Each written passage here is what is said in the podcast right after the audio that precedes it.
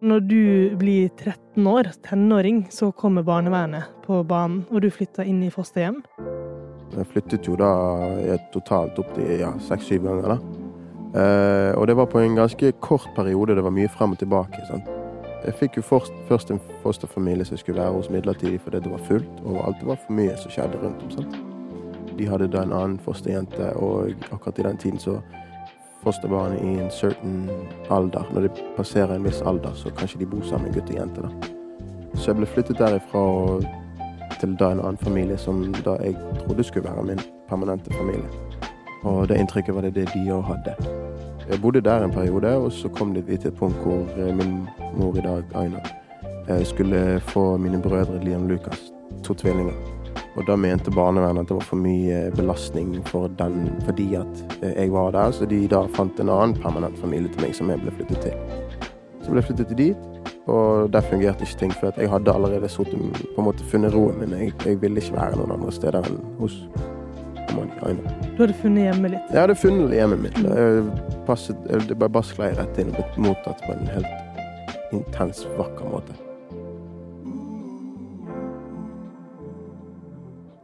Nei, jeg tenker at jeg hadde en veldig fin eh, Noen fine år i min oppvekst.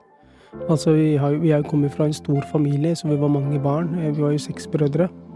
Og så hadde vi en stor overgang fra Tøyen til Furuset. Altså stor derfor, for at det var veldig mye rasisme på Furuset. Og det var med på å prege hverdagen, for at man møtte på rasisme på veldig nært. Du ble slått, du ble liksom hengt ut, og det ble mobbet. Og disse tingene fører jo til at du havner utenfor, da. Og i tillegg så hadde man utfordringer som språk, for språket er jo så utrolig viktig. ikke sant? Det med matpakker og føle at du har annerledes mat enn andre. Eh, annen klær. Altså alle disse tingene var jo med på å føre til at man havnet utenfor, da.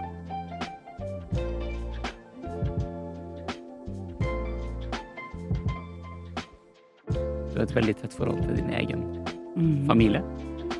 Ja, altså vi, vi flykta jo sammen, og vi har jo alltid bare hatt hverandre.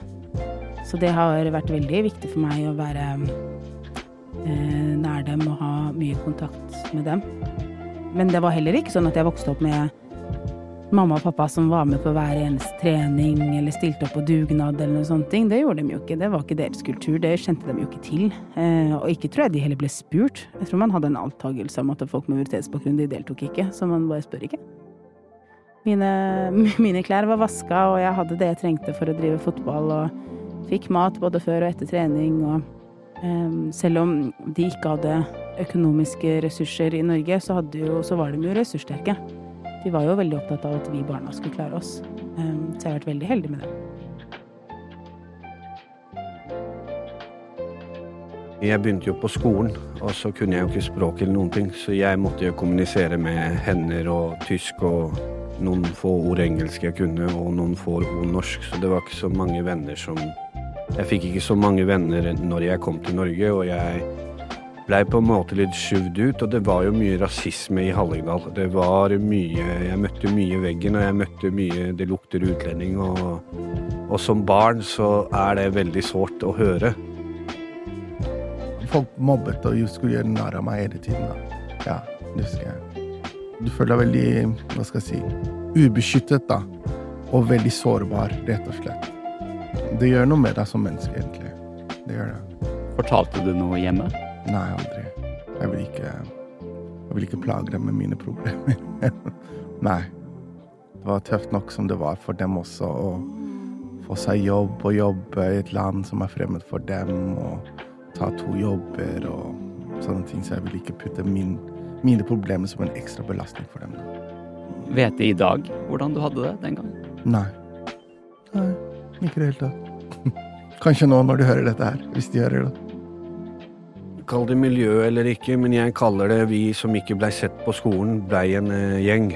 Og da blei vi liksom kalt Gjengen. Eh, I realiteten, når jeg jobber med ungdommer og sånt nå, så kan jeg se på oss som en en utfordrende gruppe som trengte ekstra hjelp. Det fikk vi ikke på skolen. Derfor eh, blei vi en gjeng som hang sammen. Det blei Eh, mye annet enn skole. Eh, og til mutter'n sa jeg at jeg skulle på skole, eh, for hun vekte jo meg til jeg dro på skolen. Men jeg, var, jeg gikk ut døra, og da var det noe annet enn skole som var på tapetet. Again, jeg har ikke svarene til disse, til, til disse situasjonene, hvordan noen skal gjøre eller reagere. Eller. Men det er bare mer eh, Kanskje bare lytte mer. Enn å fortelle noen alltid hva de skal gjøre, eller hva de burde gjøre. Eller Hvis bare lytte mer. Lytte, være åpen. Ja. Noen ganger så holder det bare med noens tilstedeværelse. Ikke et ord trenger egentlig å bli sagt. noen ganger. Og så er det veldig godt da når noen kommer og klapper deg på skuldra og Ja, sier bare chill- med deg, liksom. ja. ja.